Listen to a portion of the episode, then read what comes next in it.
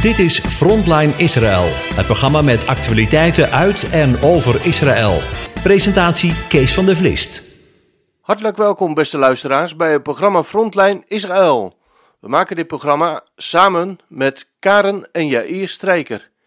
Israël is meer dan ooit in het nieuws. Oorlogsdreiging, de roep om de Palestijnse staat, de strijd om het hartland van Israël, Juda en Samaria. Maar te weinig horen we het nieuws uit de eerste hand. In het programma Frontline Israël brengen we daar verandering in.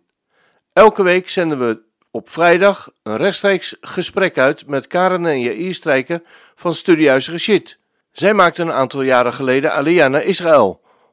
Op deze manier zijn wij en de luisteraars in staat om eerlijke informatie uit de eerste hand rechtstreeks uit het beloofde land te vernemen. De vorm van het programma is informeel, alsof we bij elkaar aan de keukentafel zitten en de dingen van de dag doornemen. Hartelijk welkom, Karen en Jair. Shalom. Shalom. Shalom. Fijn jullie stem weer te horen na 14 dagen. Ja, Oh, ja. eens- Ja. ja. goed ook jou weer te horen, Kees. Ja, ja de, de verbinding was de vorige keer eh, zo slecht dat we het niet aandurfden om, eh, om het interview te doen. Want het werkte uiteindelijk eh, niet zo goed. Ja, Ehm, maar ik heb vernomen dat het voor jullie een bijzondere dag is. Vandaag. Eh, ja, 3 december. beetje- ja, een beetje veel wel eigenlijk. Ja, ja, ja. Is, is het, eh, heeft, eh, de, in Israël houden ze over het algemeen wat andere dagen eh, eh, aan. En de, de begin van de dag, de, tenminste vinden wij dan, dat is in de avond bij jullie. Eh, Mhm. Is dat Bij met... jullie ook. Ja. Bij jullie ook. Ja, ja, ik weet het, Karen. Ja. Ik weet het. Maar ehm, die bijzondere dag heeft dat iets met Sinterklaas te maken? Dat jullie al op 3 december beginnen met eh, pakjes uitpakken en zo? Of... Ja, zoiets. We gaan gewoon Nee. uitgebreid cadeautjes geven. Wij vieren geen Sinterklaas, wij doen gewoon Ganoeklaas. En dat is Oh ja. acht dagen. En dat begint dan ook lekker Ja, op de avond voor de eerste dag. Dan heb Ja. je al heel gauw een cadeautje. ja, Dus acht dagen cadeautjes geven. is veel leuker. ja. maar is ik ook moet zo. vanmorgen haar aan helpen herinneren dat we 18 jaar getrouwd zijn. Meestal Ah, weet de vrouw dat, maar in dit geval was ik het dus. ah. Ik ben echt vreselijk slecht Jij wilde even een goede beurt maken. Ja, ja, ja. En, en, en, en een ontbijtje. En een Ja, nou niet gezien. en zo. Niks Maar gezien, nee, zegt ze. Maar goed, jullie zijn Maar ze heeft 18 nog jaar een, getrouwd. Oh, je bedoelt dat ik jou nou een beetje Ja, had moeten natuurlijk. geven? Oh, oh, oh. Ah. nou, we moeten... Kees, wacht even. Switch even af. Wij moeten even nog even over een paar dingen hebben hier. We moeten even... Ja, maar ze heeft nog een kans, want we vieren het Ze heeft nog een eigenlijk kans voor mij nou. op de nou. vijfde dag van Chanukka. Waarom is dat drie- dan? 3 december 2002. Ja. Toen zijn we getrouwd in de Ja. avond. En Mhm. dat was een heel bijzondere, Ook weer in de eh, avond. bijzondere Ja. bijeenkomst. Op een dinsdag natuurlijk. We wilden graag op een dinsdag trouwen, omdat bij de schepping van de derde dag zegt God Mhm. twee keer en het was goed.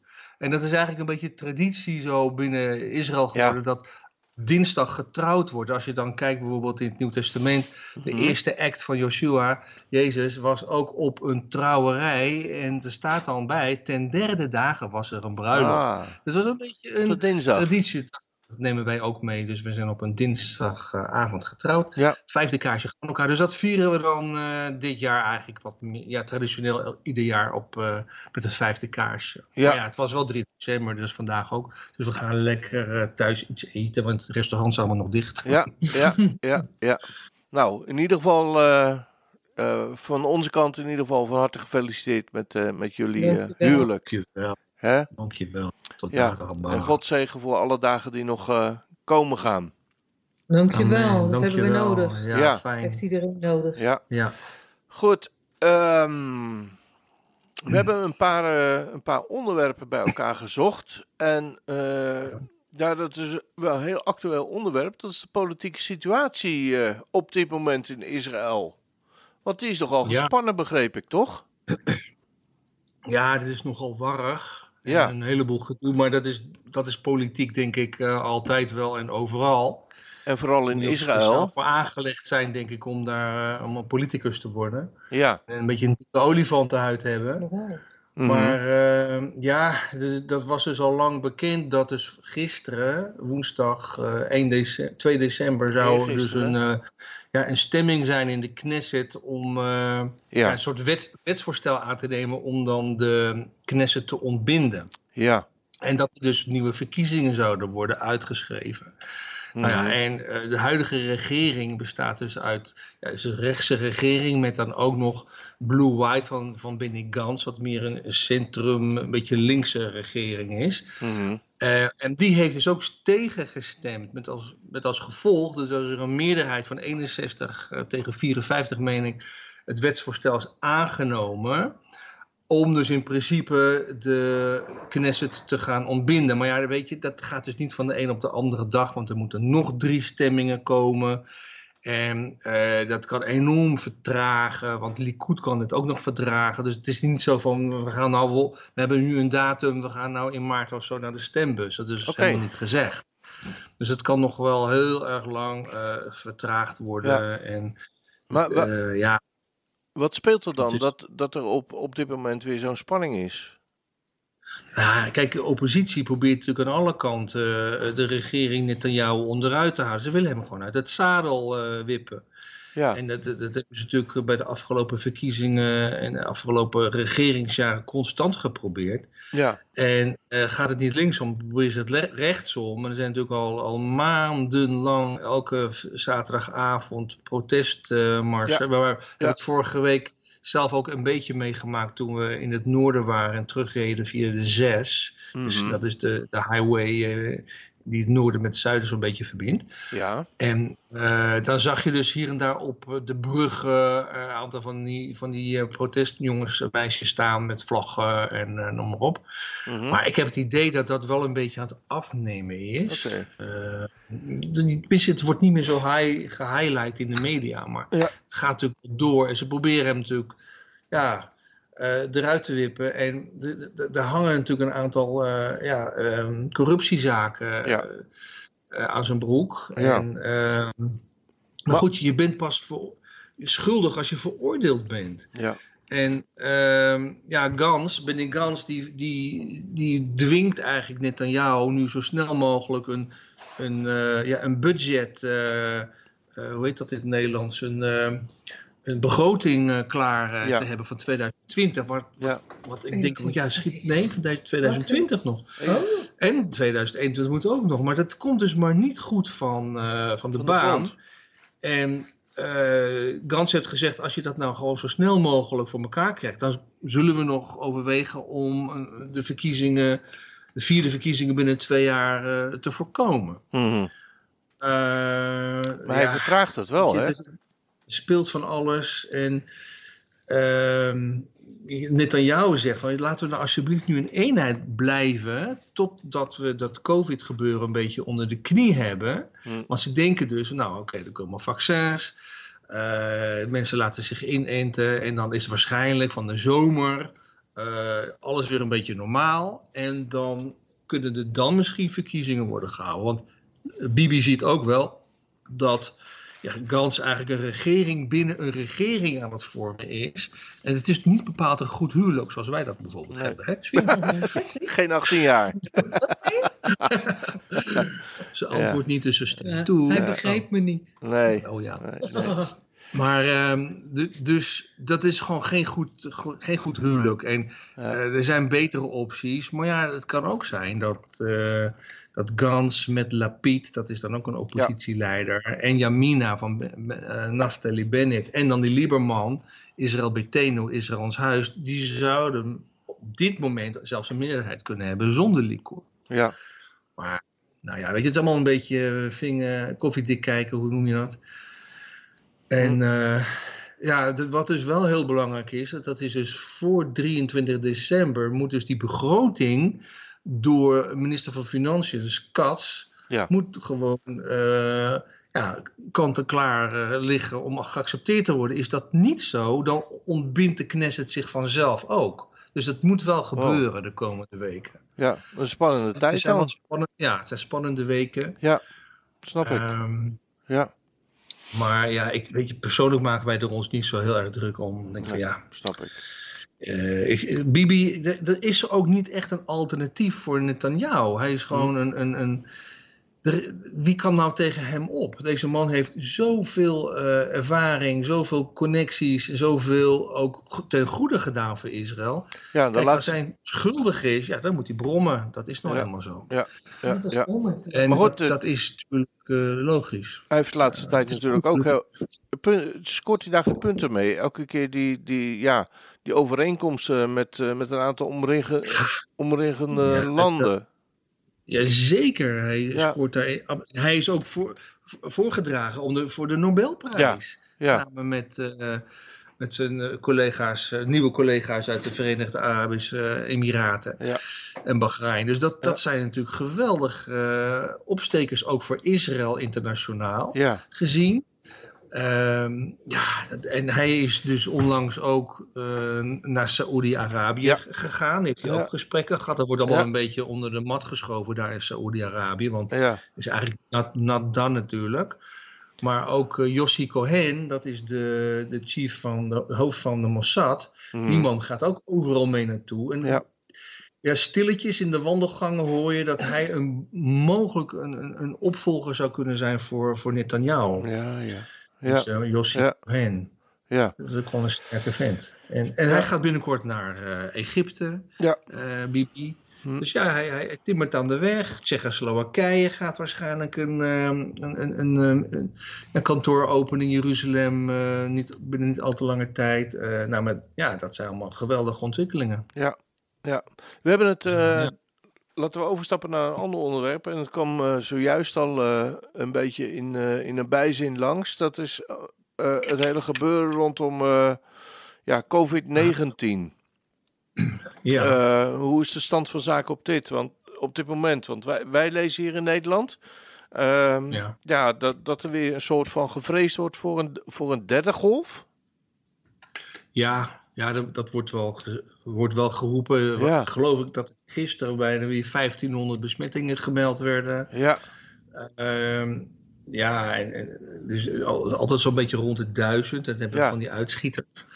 ja, Dus ja, men, men, ondanks dat men roept dat er eventueel een derde lockdown zou komen, gaan wel van de week weer meer eh, winkels open, sportgelegenheden, kinderen zijn aan de school. ja. Eh, ja, Want je, En ik is- denk dat jullie er wel een beetje, een beetje moe van worden onderhand. Ik bedoel, wij, wij hebben Ja. het niet, niet zo geweldig, maar ja, jullie zitten al zo lang eh, ook met, Ja. met, met, ja, met grote lockdowns. Ja, en we Ja. zullen maar moeten zien hoe het dadelijk met Hanukkah zal gaan, wat Ja. volgende week dan begint. Want ja. ja, wat men dus probeert is echt om de families uit elkaar te halen. En juist met dit soort feesten gaat iedereen bij elkaar zitten. Ja. En ja, dat proberen ze dan te voorkomen door weer een lockdown in te gaan. ja maar ze Ja. praten er niet over. Nee. is volgende week al. Ja. En kijk, bij de vorige lockdown werd het al een maand van tevoren aangekondigd. ja. Dus ik denk dat Israël op zijn achterste poten gaat staan als ze zeggen, ja, volgende week mag je opeens niet meer de straat op. Ja. Ja. Ik kan me niet voorstellen. Weet je wat het ook is, Kees? Mhm. Alle winkels, behalve de winkels die eten verkopen of Ja. bijvoorbeeld brillen of ijzerwaren, die Ja. zijn weken en weken Ja. lang gesloten geweest. De Ja. canyons, pas nu gaan de eh, canyons die dus niet overdekt zijn weer open. En dan staan Ah. er rijen op straat, Ja, want er mogen dan maar in bijvoorbeeld een kledingwinkel mogen er maar twee of drie tegelijk binnen zijn. ja, En je ziet dus een heel raar fenomeen eigenlijk. Ja. Het do- doet me een beetje denken, eerlijk gezegd, aan de opkomst van eh, de geldautomaten in Nederland. Dat je Ah, rijen ja. mensen op straat had om geld op te nemen. ja, Nou, het is net zo, het, hè, nu zie je rijen op straat om gewoon ja, te spijkerbroek te kopen. kunnen kopen. Of Ja. voor de beste oliebollentent. ja, ja, die waren wel open. Ja, Eh, ja. eh, ja, inderdaad, ja, de zware ja. bakkerijen die waren natuurlijk wel gewoon open. ja, Maar ja, de kappers niet en de Nee. andere winkels niet. En Heel Ja, wij apart, moesten- joh. Van de week zijn we inderdaad eventjes gaan winkelen voor het een en ander. En dan moesten Ja. we inderdaad ook buiten wachten. ja. Totdat de anderen weer eh, ja, klaar waren. Ja. Toen wij naar binnen. Ja, Ja. ja. Maar weet je, aan de Hm. andere kant, eh, ja, dit, het went ook wel weer een beetje. Maar het, het went niet voor onze kinderen, merk ik. Daar, die hebben het veel moeilijker dan wij. Ja. Want kijk, wij werken natuurlijk vanuit huis. Ja.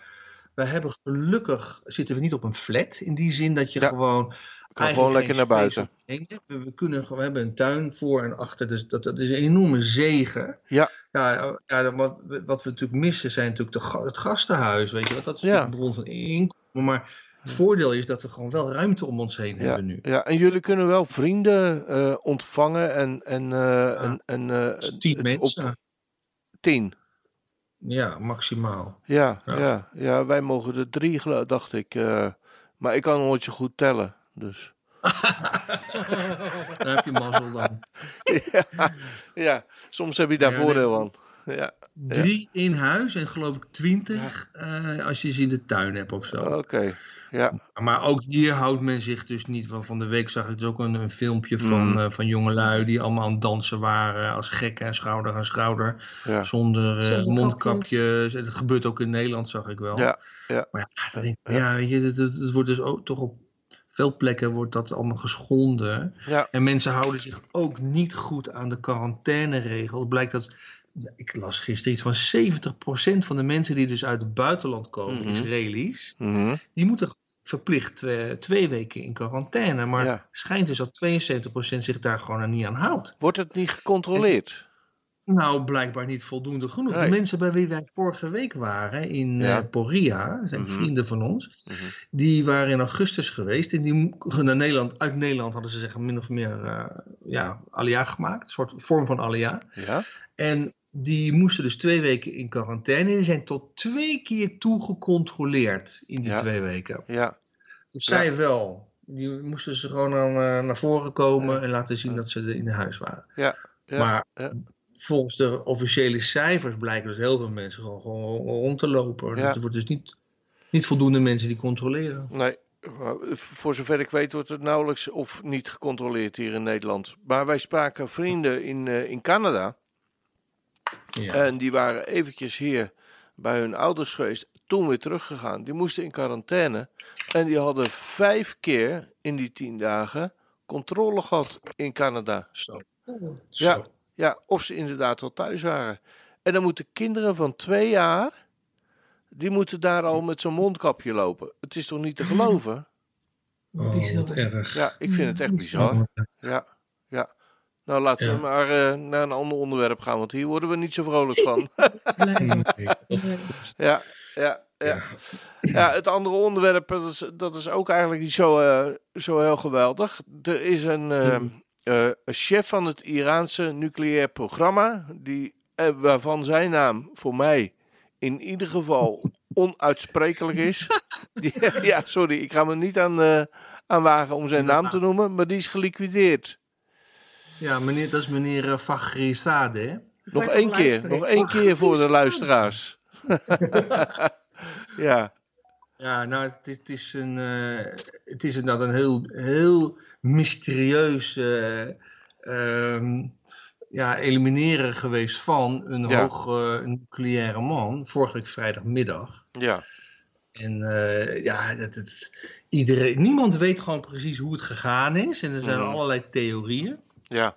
En die, sommige ja, die kan je meteen van tafel schuiven. Mhm, En sommige zeggen, nou, dat zou eventueel kunnen. mhm. Eh, wat, ik, wat ik wel eh, interessant vind, is eh, dat, dat Netanyahu in 19, 2018, nadat ze, uh, de Mossad in staat was geweest om uit, uit de buurt van Teheran honderdduizend uh, uh, ja, papieren documenten uit een archief uh, te vissen. Ja. Uh, wat ook aan kon tonen dat um, Iran nog steeds doorging met uh, nucleaire ontwikkeling van het programma wat ze begin 2000 hadden waren gestart. Ahmad heette dat. Mm -hmm. Dat zouden ze stoppen, bla bla bla. En er waren dus ook briefjes tussen die documenten van een zekere uh, Fagrisade die zei van ja, officieel stoppen we met dat Ahmad, maar sommige onderdelen gaan we nog wel door voor wetenschappelijk onderzoek. Bla, bla, bla. Ja, ja. Dus toen heeft, zei Bibi 2018 van uh, vergeet deze naam niet, Fagrisadi. Er was ook een foto ja. van hem. Nou ja, nu 2000, twee jaar verder is deze man dus niet meer onder levende. Nee. Maar um, hoe het precies gebeurd is, ja, dat, uh, dat hult zich in raadselen. Want Ja. kijk, Iran die zei meteen van, eh, Ja. nee, ja, dit is op een remote control manier gebeurd. Nou, dat is verre van, eh, van, van logisch eigenlijk. Mhm. Want dat is nogal een, dat verwacht nogal wat. Als je zoiets doet. Kijk, het is geen Hollywood-film. Nee. Zoals, eh, weet ik veel, wat was het in, in de film Alien in, in 86, 1986. Dat ze remote control eh, eh, wapens inzetten. Ja. Of, nou ja. Ja, dat is allemaal mooi, mooi bedacht, maar in de, de- ze hebben misschien die technologie wel, maar om dat uit te voeren in een ander land, er zitten zoveel wat. haken en ogen aan, Ja. ook aan training. En dan moeten ze dus ook al eh, die bus daarvoor, die ontplofte daarvoor hebben neergezet. En Ja, aan het toeval overlaten dat er niet toevallig iemand komt kijken, wat doet dat busje daar, noem maar op. ja, Ehm, en er is ook maar één iemand omgebracht, dat is deze van Grisadi. Zijn Ja. vrouw zat er ook naast. En de lijfwachten zijn ook niet omgekomen. Dus nee.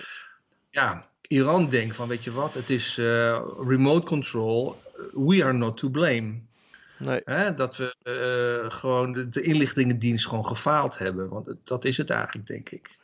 Maar goed, de, de, het schuld is de wel natuurlijk. keer, eh, De schuld is natuurlijk wel meteen in, in ja, aan Israël Ja. toegekend. Ja, ze, ze keken natuurlijk meteen naar Israël, Ja. Amerika, maar ook naar de oppositie van, eh, van Iran, die dan in Frankrijk woont. En eh, Mm. ze beschuldigen ook Saoedi-Arabië. Oké. Maar, eh, maar met name eh, natuurlijk Israël, want dat is Ja. natuurlijk aardsvijand nummer één. Ja, Ja, daar stonden ze En, en eigenlijk ze meteen weten gewoon klaar. dat Israël gewoon eh, niet accepteert dat, dat Iran zich verder bezighoudt met nucleaire ontwikkelingen. Ja.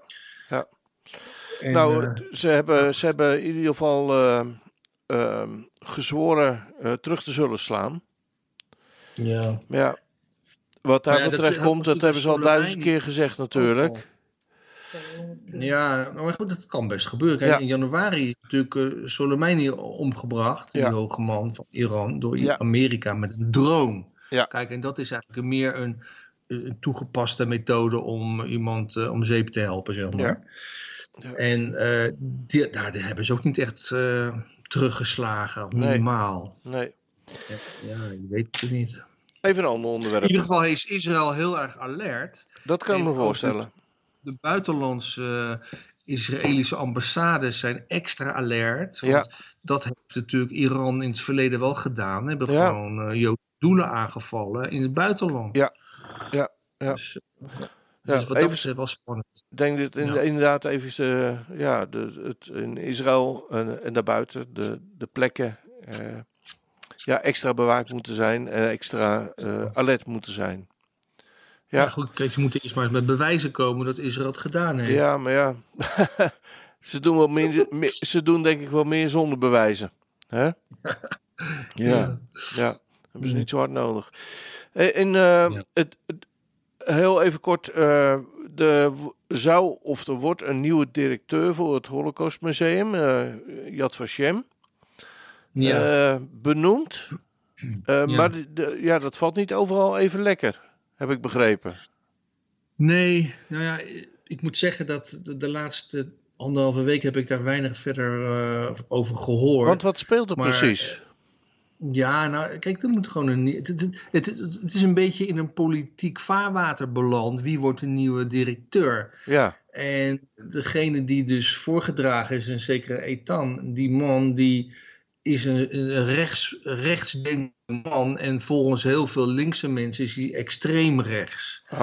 En eh, zou hij dus ook eh, ja, eh, uitspraken hebben ge- gemaakt over Arabieren die eigenlijk uit, eh, uit de zogenaamde Westbank, eh, Samaria weg zouden moeten gaan. En mhm. eh, ook in het leger, eh, ja, in de tijd dat hij in het leger zat, waren er nog wat incidenten tussen eh, hem en Arabieren die niet zo mooi en zo fraai zijn. mhm. Waardoor dus eh, de media zegt van ja, ho ho, deze man kan niet eh, het, het plaatje zijn van een instituut als Yad Vashem, wat eigenlijk het heilige de heilige is van de, ja, de, de, de herdenkingen van de Ja. slachtoffers van de Shoah, ja. Holocaust. mhm.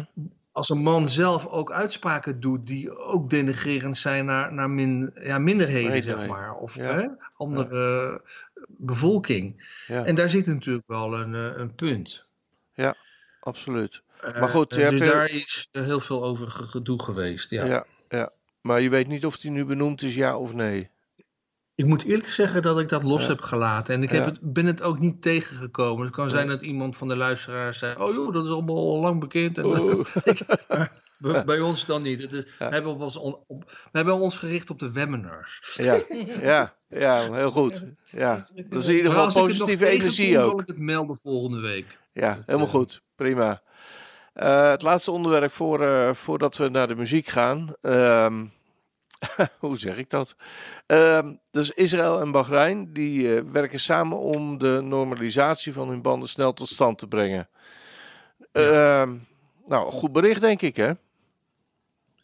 Ja, dat is. Ze waren deze week hier in Israël. Ja. En ja, op, op velerlei gebied probeert men dus de banden te versterken, vooral ook op uh, toerismegebied. Ja. En dat ze dus een soort van uh, een idee wordt een plan en een plan wordt, wordt een pakket, weet je wel, een package. Ja. Ja. Om dus uh, vooral toeristen uit, uit Brazilië of uit de wereld verder, Australië, wat dan ook, mm -hmm. een pakket aan te bieden van je kunt naar Israël komen en ook naar Bahrein, weet je wel. En die, ja. die, die landen combineren en... Uh, ja, Bahrein zelf is heel enthousiast over uh, de toekomst. Ja. En zegt van Israël kan een springplank zijn uh, voor ons om de wereld verder uh, te onderzoeken en, en, en, te benaderen. Maar Bahrein is ook voor Israël een springplank om misschien meer die Arabische wereld in te duiken. Ja. Weet je? Om toch ja, misschien ook in de toekomst dat er meer begrip en meer kennis komt voor, uh, over Israël, over de geschiedenis van het Joodse volk. Want ja. ze zijn natuurlijk eeuwenlang, of nou niet eeuwenlang, heel lang geïndoctrineerd van Israël is kwaad. Ja. Het Joodse volk is kwaad. En ja. kijk, er is ook in het gebied van Iran en Irak, als je een paar honderd jaar geleden spreekt, wonen daar heel veel Joden. En er woonden. Uh, in dat hele Arabische schiereilanden hebben altijd Joden gewoond. En die hadden goede relaties met hun eh, Arabische uh, buren met, of ja. met moslims. Ja, ja. Dus dat kan ook weer terugkomen. En uh, dat is denk ik geen slechte ontwikkeling. Nee, zeker niet. Want er zijn natuurlijk ook wel wat, wat, wat, wat landen die in het Midden-Oosten zijn, die inmiddels wat, wat ja, goeie, betere banden krijgen nu met, met Israël. Ja, nou ja. Kijk, het zijn toch allemaal wel hele kleine beginnetjes. Bahrein ja. is natuurlijk heel klein. Ja. Kijk, en we moeten niet vergeten, Bahrein heeft nooit oorlog gehad met Israël. En nee. al minimaal elf jaar bestaat er eigenlijk een beetje zo onder de, ja, een beetje in de schaduw. De een soort, uh, uh, ja, kantoortje in, in, in, uh, in de hoofdstad ja. Manala, geloof ik, Manala. Manama, wat is ook alweer de hoofdstad van Bahrein? Utrecht. En uh, ja, dat, wordt, dat groeit dus nu uit naar een echt diplomatiek uh, kantoor. Ja. Uh, ja. Er komt goed, je ziet volgend ook, jaar een echt nieuwe plek voor. Ja, ja maar je dus, ziet ook steeds meer normalisatie en contacten bijvoorbeeld met Saoedi-Arabië. Ja, maar ja, dat ligt nog wel heel gevoelig voor, ja. voor het land zelf. Kijk, in, in, in die, die, die, die kroonprins, ja. Bin Salman, dat die is wel heel positief. Maar ja, goed, hij is natuurlijk niet, uh, niet de baas. Nee. Hij is de minister van Buitenlandse Zaken. Wel de zoon, de opvolger. Maar ja, um, ja kijk, zo'n volk is natuurlijk ook. ook de Saoedi-Arabiërs zijn geïndoctrineerd ja. van Israël. is de vijand. Hebben natuurlijk altijd oorlog gevoerd. Ja. En, ja. en nu, uh, of, of, of, of, wapens geleverd aan, aan, aan, aan uh, groepen die oorlog voeren met, uh, met Israël. Ja. Dus ja, dus, er gaat tijd overheen. Ja. En uh, ik denk dat Netanyahu daar een hele goede rol heeft gespeeld in het verhaal. Hm. Uh, daar mogen we hem echt credit voor geven. Ja, nou hopen ja. dat hij die ook krijgt daar uh, bij jullie in, in Israël. Want er zijn nog heel veel protesten, hè? Ja, ja, er zijn nog wel heel veel protesten. Maar ja. trouwens even over Saudi-Arabië. Ik las vanmorgen nog dat mm -hmm. ook Qatar en Saoedi-Arabië weer meer op, uh, okay. op speaking terms gaan worden. Hè? Ja. En uh, dat wil niet zeggen dat daardoor ook meteen uh, vriendschap ontstaat tussen Qatar en, en Bahrein en, en de uh, Verenigde Arabische Emiraten. Maar ook dat is een, een positief begin. Ja. En, want Qatar is natuurlijk wel een sponsor van, voor terrorisme, zien, zo zien wij dat. Hè? Omdat ze dus mm -hmm. vooral dus Hamas steunen. Ja. Ja. voor geld zorgen daar en, en, en. Hezbollah en op. Dus, maar ja, ja. er is hoop, er is altijd hoop. Altijd, ja. Um, weet je, we gaan eventjes naar de muziek. En uh, voor, uh, uh, voor de uitzending had ik jullie gevraagd om, om een lied op te geven. Hinema Tof. Hè? misschien wil je het even vertalen voor de mensen die het niet kennen. Uh, nou, ze kunnen allemaal op Psalm 133 het eerste vers opslaan. Oké. Okay. En uh, dat is bekend. Daar staat, zie hoe goed is het als broeders en zusters samen zitten. Ja. Uh, ik dacht van, weet je wel, ja, wij, wij hebben natuurlijk, we zitten nu ook lekker hier aan tafel met elkaar, maar ja. we zitten ook heel veel te studeren samen als echtpaar. Dat ja. vonden we ook wel leuk, omdat gewoon eigenlijk toch een beetje, ja, het is, het is eigenlijk ons standaard openingslied bij de studies die we geven, weet Ja, je wel. Het is goed het. om samen te zitten. Dus, maar dat zitten betekent eigenlijk ook samen leren.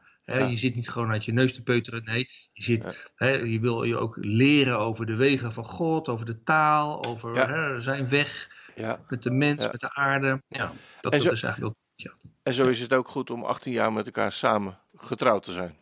absoluut. absoluut. Nou. Absoluut. Daar gaan we naar luisteren. Ter ere van jullie eh 18-jarige huwelijksfeestje. Dank je wel. Dankjewel.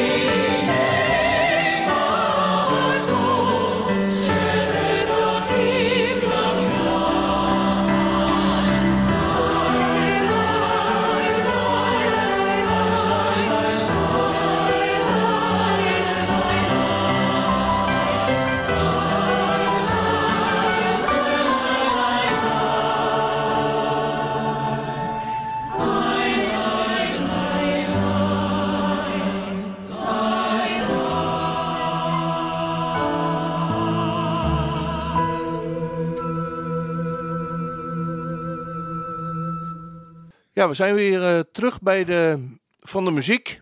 En eh, ja, zoals Ik gebruikelijk... dat je met de muziek mee was, eh, Kees. Wat zeg je? Ik dacht dat je met de muziek mee was. Nee, nee, nee. Ik ben gewoon gebleven. Ja, ik heb wel Ja. uit volle borst meegezongen natuurlijk. Maar Ja, ik ben wel gebleven. Eh, zoals gebruikelijk ehm, eh, hebben we nog twee onderwerpen staan. Dat zijn de activiteiten van het eh eh, studiehuis Rashid. Wat, eh, Ja. wat staat er voor jullie op de rol, Karen? Ja, vooral Hanukkah. Want eh, dat gaat natuurlijk beginnen. En de nee, de tiende Ja. moet ik zeggen, de tiende december. Mhm. Dat is dan ook wel echt bij de start van Hanukkah. Dan hebben we een webinar, ook wel op de gebruikelijke tijd, half acht in de avond. Ongeveer een uurtje, misschien iets langer, over Hanukkah, de geschiedenis. Waarom vieren we dat mooie feest? Ja, Eh, wat ook het lichtfeest wordt genoemd. wat niet in, het, eh, in de Tenach eh, voorkomt, maar wel in het Nieuwe Testament. Ja. Johannes 10, vers 22 staat er dat eh Jehoshua die viert het feest mee. Hij wandelt in de zuilengangen en hij viert dat feest mee. Het is dan winter Mhm. en het is het prachtige feest van ja, de overwinning van de familie Maccabi, de Maccabeeën, ja, op de Syrisch-Griekse overheersing. ja, En ja, het is natuurlijk een prachtig feest, want eh, de vader Matityahu Maccabi, dat is de, de- zijn graftombe overigens, ligt bij ons eh, vrijwel om de hoek. We gaan er vaak met groepen naartoe. ja, Eh, hij is hier vlakbij begraven. Het heeft zich ook allemaal Mhm. vlakbij in het oude Modein Ja. afgespeeld. ja, Dat is eigenlijk dat deze bejaarde priester, die kon het niet meer aanzien dat de Hellenisering steeds verder en verder en verder toenam. En er werd zelfs gezegd, eh, nu gaan we varkens offeren in de tempel. ja, En er komt een groot beeld van Zeus in de tempel, in Gods Ja. tempel in Jeruzalem. ja, En toen kwamen er afgezanten van, eh, dat was onder de tijd van Epiphanes. En Epiphanes, daar werd van gezegd, en nog steeds van, ah, er wordt gewoon getwijfeld of die man überhaupt wel bij zinnen was. Want die heeft gewoon heel veel kapot gemaakt ja, onder zijn bewind. Hè? Ja. Oorlog met Egypte, dat verliezen, verliezen van de Romeinen. Nou, wat hij nog in zijn grip had, dat was dit land, het heilige land. En toen ging hij de Joden ernstig onderdrukken. Ze mochten helemaal niets meer. En toen kwamen zijn afgezanten naar Modein, waar Matityahu Maccabi eh, priester was. En toen werd hem gedwongen om varkens te offeren. En eh, een van zijn collega's, die al helemaal gehelleniseerd was, die deed dat nog ook. En toen stootte hij die collega van hem dood.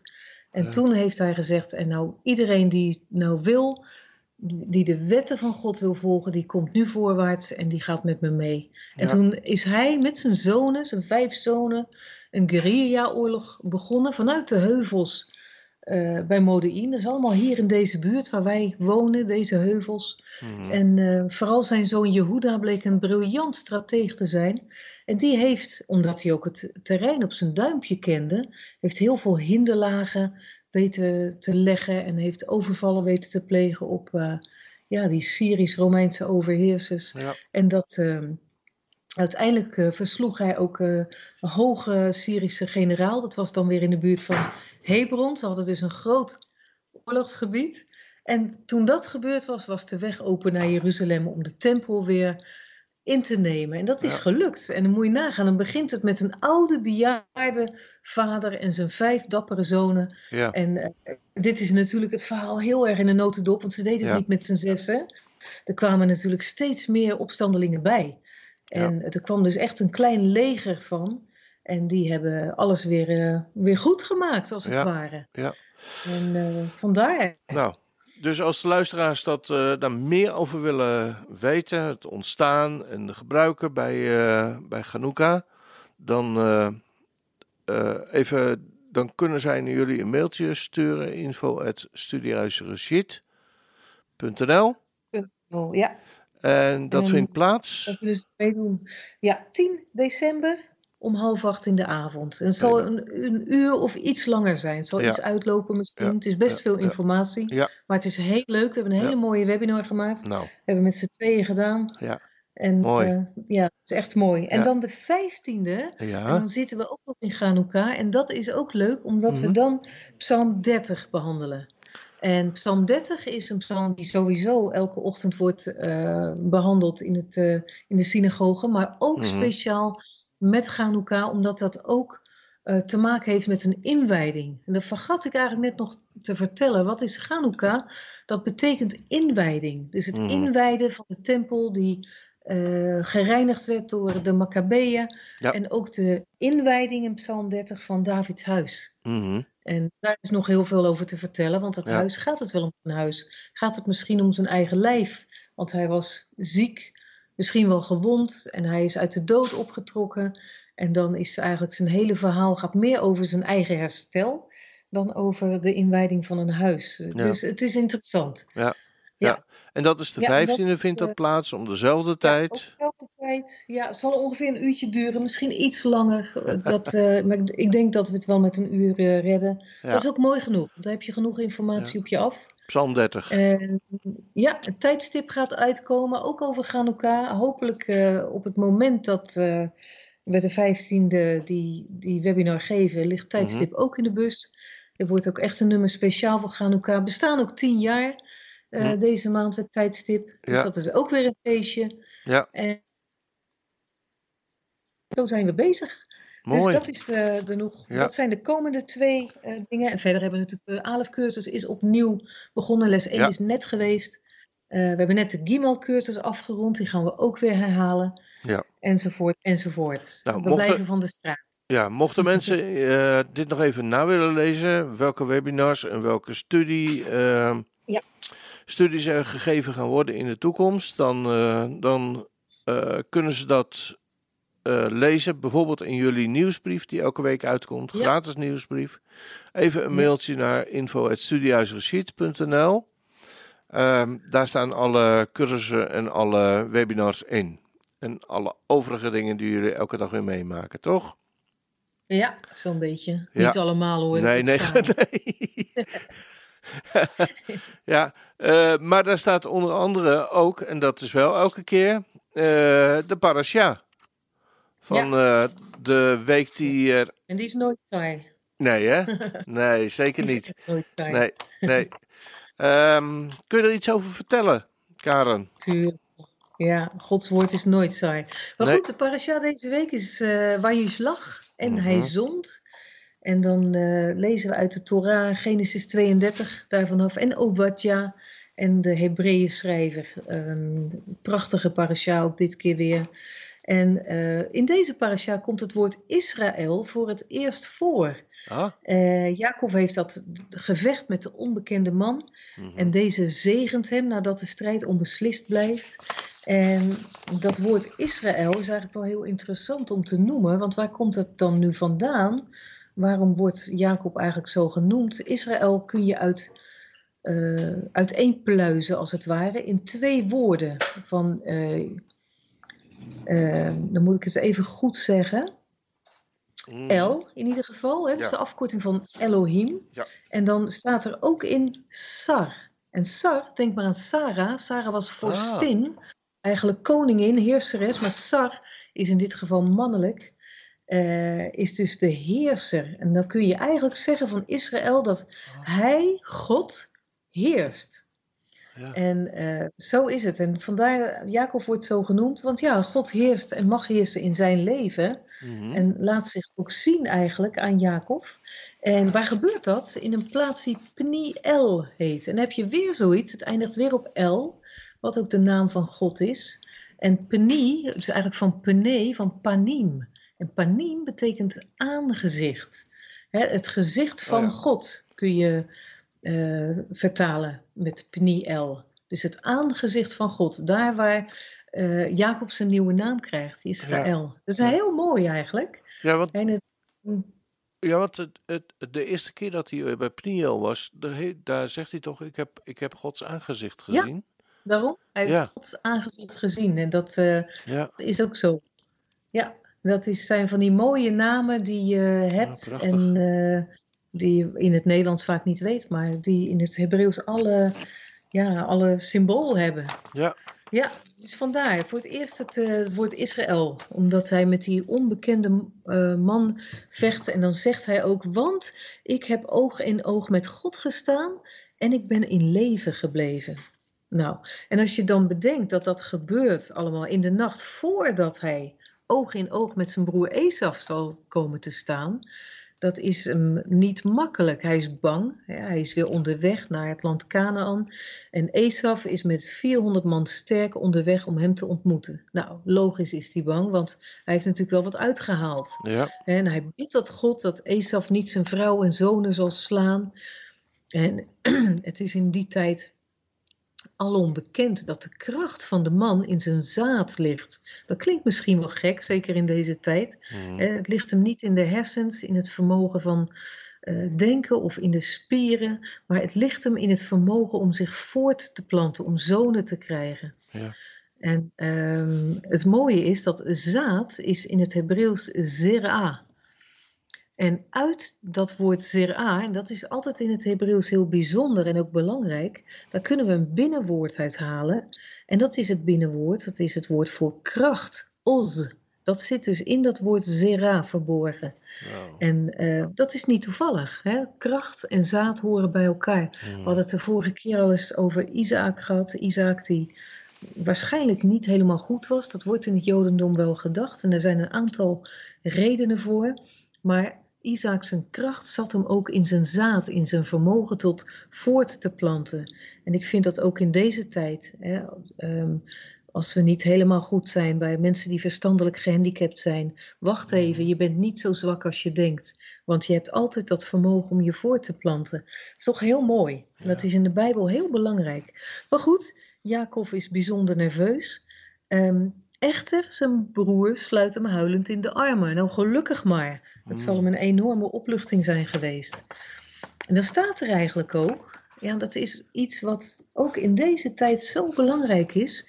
Dat staat dan in vers 21. Dan zegt hij tot zijn knechten, die stuurt hij vooruit met vee en met allerlei geschenken.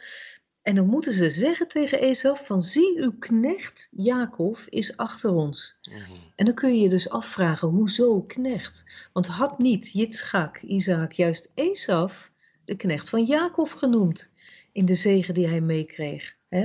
Esaf zal onder het juk van Jacob zijn, had hij gezegd. Maar Jacob moet nog leren, hij was daar natuurlijk ook niet bij toen die zegen werd uitgesproken, hij was er al vandoor. Maar Jacob moet sowieso nog in die bevoorrechte positie gaan staan. En dat geldt ook, en dan kijken we even naar de tijd van nu, Ja. dat geldt ook voor de staat Israël nu, hè? ook de Jacob van tegenwoordig. Dat heden ten dagen in feite onder het juk van Edom vandaan Ja. moet komen. Hè? Esau, nakomelingen van de Esau, er zit Edom bij. Dat wordt algemeen zo gezien ook. Dat Edom is in feite ook het christelijk Europa, maar ook ehm, ja, alles wat eigenlijk zegt van wij wonen hier, dit, dit land is van ons. Ja. En daarmee komt dus altijd weer die veroordeling van Israël. En dat is typisch zo Edomitisch. Hè? Israël veroordelen. Israël doet dit niet goed en doet dat niet goed. Daar mag Israël gewoon onder vandaan breken, als het ware. Ja. Het woord juk, hè, dat eh, is het woord mosera. Het heeft verband met moesar. En moesar is tucht. En daar gaat het eigenlijk precies om. Wat wil God met dat voorbeeldvolkje volkje uit het zaad van Abraham en Isaac en Jacob? Door dat voorbeeldvolk heen wil God in feite de hele wereld onder zijn tucht brengen. En daarom heeft de wereld zo'n hekel aan Israël. Want men wil zich ten diepste verzetten tegen die tucht van God. En dat staat ook in Psalm 2, vers 3. Dan zie je dat de vorsten der aarde zeggen van laat ons hun banden verscheuren en hun touwen van ons afwerpen. Dat gaat Ja. dan echt over Israël. Want als er dan aan Israël niet meer gedacht wordt, één gedachte verder is dan, dan wordt er dus ook niet meer aan de God van Israël gedacht. En dat is eigenlijk wat erachter zit. Daar mag Israël gewoon overheen kijken en zeggen van luister eens even, wij zijn het volk van God en wij zijn niet meer de knecht.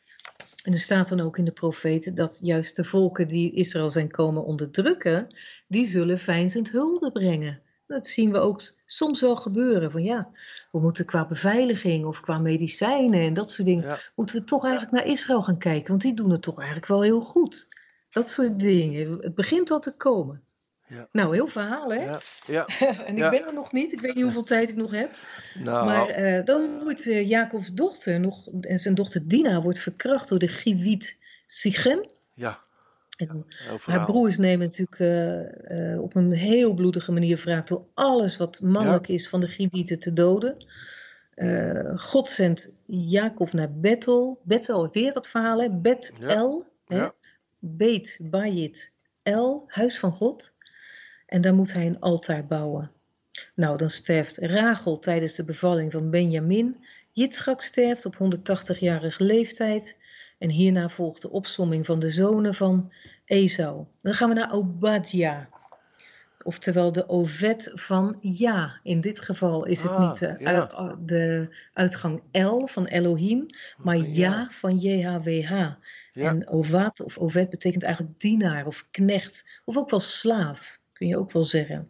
Mhm. En deze Obadja, deze profeet, die profeteert dat de redders, oftewel de Messiassen, in het, in het meervoud, Ja. letterlijk dus de gezalfden, die zullen de berg Sion bevrijden. En deze Messiassen waren eerst ballingen.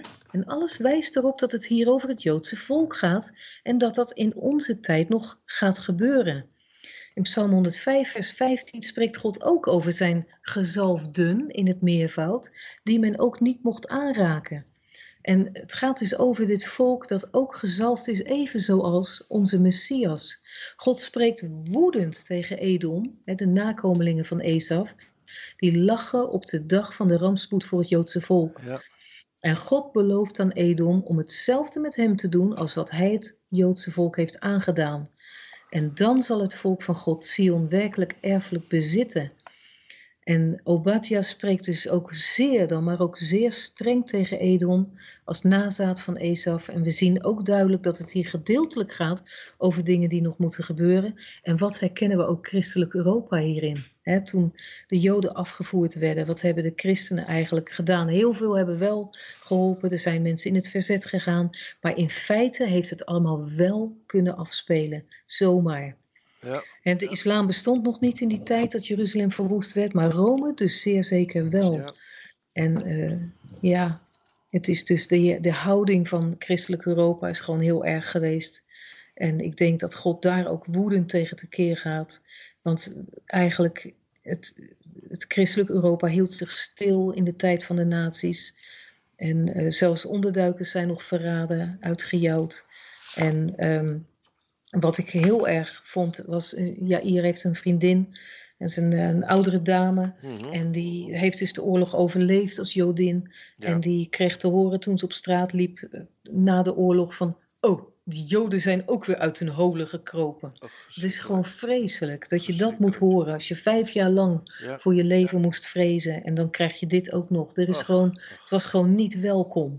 Hè? En onvoorstelbaar. het was niet het enige. Het Nederlandse Rode Kruis heeft niemand opgehaald uit de kampen. Hè, jullie kunnen dat ente vanuit Polen echt wel lopen hoor. Goed zo, ga maar lopen. Ja. En het andere Rode Kruis in andere landen deed het wel, maar Nederland heeft zich zo slecht gedragen. Ja. Nederlandse Rode Kruis. Ja. Vreselijk gewoon. En andere Europese landen hebben het godsvolkje gewoon letterlijk laten verzuipen op de gammele bootjes richting Israël. Terug de kampen in, Ja. soms zelfs gestuurd. Ja. Van eh, zoek het maar uit, wegwezen jij. Vreselijk. Echt, eh, ja, er, is ligt wel een een grote schuld. schuld. Ja, ja, ja. En we hebben het blijkbaar nog niet, eh, nog niet geleerd. Want Nee. nagenoeg elke, elke resolutie die in de VN tegen Israël wordt. Ja. dat, dat, dat, dat, daar stemt eigenlijk Nederland nog steeds voor. Het is, ja, we het is hebben te blijkbaar nog niks geleerd. voor woorden. Ja, inderdaad. Ja.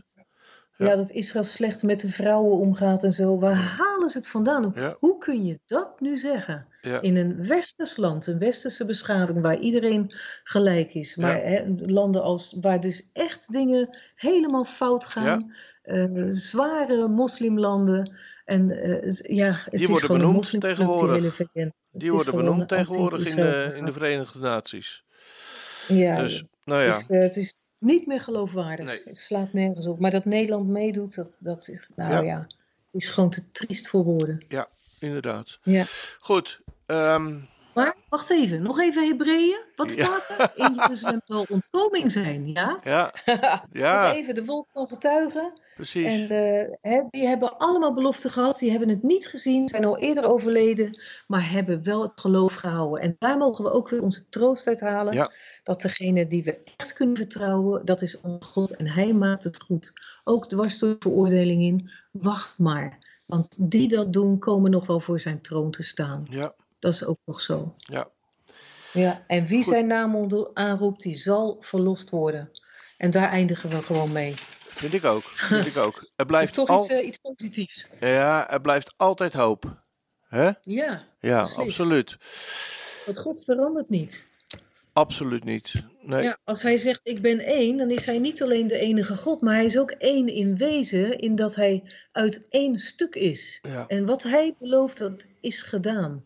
En dat, ja, dat bid ik ook elke morgen, daar dank ik hem elke morgen om. Van wat u belooft, dat is gedaan. U bent gewoon trouw aan uw woord. Ja. Dus we mogen ook, ook al zien we het nog niet, geloven dat het komt. Amen. Het Amen. beste komt nog. Zo is dat. Ja, ja. Goed, nou dan wil ik jullie eh, ook gezien de tijd eh, die we hebben van harte bedanken weer voor jullie eh, mooie bijdrage van zowel datgene wat er bij jullie plaatsvindt, maar ook voor het delen van, eh, ja, van het woord. Hè, en dat in de meest letterlijke zin bijna wel. Met Ja. liefde gedaan. Heel erg. Dank jij wel Ja. voor de- jouw eh, geduld met ons. Kan ook Ja. Nou, de dank is helemaal aan, eh, aan jullie hoor. Nou, heel Ja. hartelijk bedankt weer. En we hopen elkaar volgende week eh, donderdag bij Leven en Welzijn. En zo de Heer Yes. vertoeft te komen, eh, te spreken. Ja, en Shabbat Shalom. Shabbat, Alvast Shabbat Shalom. Ja. Shalom. Een goede week. En Shabbat tot, Shalom. eh, een goede en tot volgende keer. Litarot. Dan sluiten we de aflevering af met eh, het lied van Robin Mark, The Days of Elia.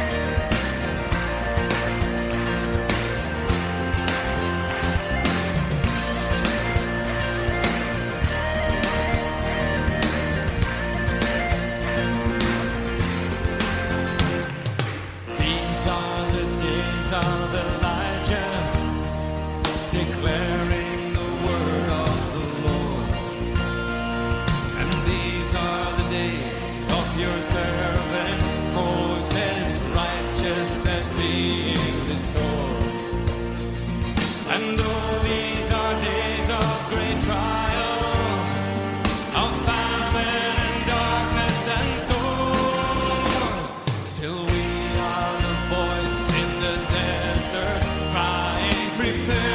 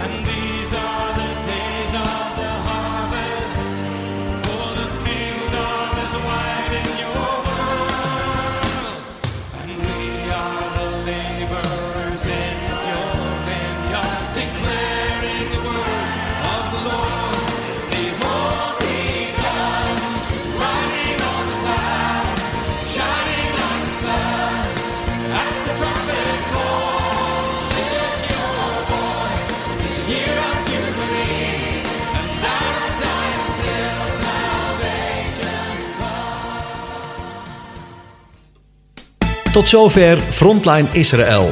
Het programma met actualiteiten uit en over Israël.